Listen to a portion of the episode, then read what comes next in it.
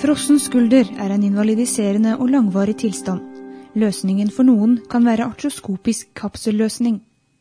Velkommen til tidsskriftets podkast for nummer 10 2007. Prevalensen av frossen skulder er litt over 2% Pasienter som får denne diagnosen, har vanligvis plager som varer mellom ett og tre år, men noen kan ha symptomer i opptil ti år. Frossen skulder innebærer at skulderen blir helt stiv, forklarer overlege Ove Christian Austgulen. Kapsel i skulderleddet blir eh, stiv, svulmer opp og gjør at eh, pasientene får nedsatt bevegelighet for alle bevegelsesutslag i skulderen. Og dette kan vare ganske lenge, og det er svært eh, invalidiserende og en plagsom tilstand for pasienter. Vi vet ikke sikkert årsaken til dette, men vi vet at av og til er det traumer og frakturer og, og skader som kan utløse dette, men i andre tilfeller er det ingen spesiell årsak. Sammen med tre kolleger ved Bergen kirurgiske sykehus har han skrevet artikkelen 'Behandling av primær frossen skulder med artroskopisk kapselløsning'. De har utført slike inngrep siden 2003. Pasientene må først ha forsøkt konservativ behandling.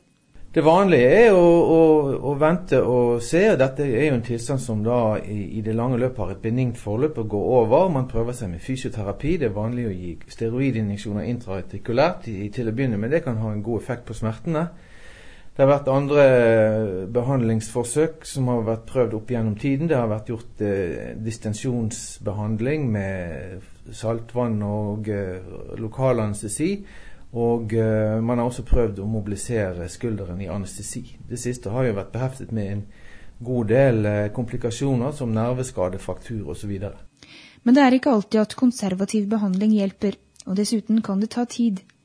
Hensikten med et kirurgisk inngrep som artroskopisk kapsel- og ligamentløsning er å forkorte sykdomsforløpet ved å løse ut og dele arrvev for at pasienten skal få større bevegelighet og mindre smerter. Det har vært en betydelig utvikling innen slik kirurgi siden det første gang ble beskrevet tidlig på 1990-tallet. Vi gjør da en uh, artroskopi i uh, skulderleddet, altså en vanlig leddundersøkelse med kikkertteknikk, som vi kan si populært, på samme måte som det gjøres i kneleddet. Uh, vi går da inn og spalter arrvev og spalter hele fremre del av kapsel og de ligamentene som, som finnes der. Og så mobiliserer vi skulderleddet i eh, utad rotasjon og i eh, elevasjon. Eh, vi forsøker å unngå å operere pasienter i den tidlige fase. Frossen skulder går jo eh, gjennom flere faser. Den første fasen det er jo en smertefase som kan vare fra tre måneder og ja, rundt tre måneder ca. Og så går tilstanden over i en, en tilstivningsfase for så å gå over i en opptiningsfase. Og hele dette forløpet kan vare fra eh, to og et halvt og faktisk opp i ti år. Vi forsøker å unngå å operere pasienten i den første fasen, for, for, noen studier viser at det kan forverre en uh, inflammasjonstilstand i skulderleddet. Så hvis det er gått uh, minimum tre måneder, eller når pasienten er over i den uh, tilstigningsfasen, så tilbyr vi operasjon.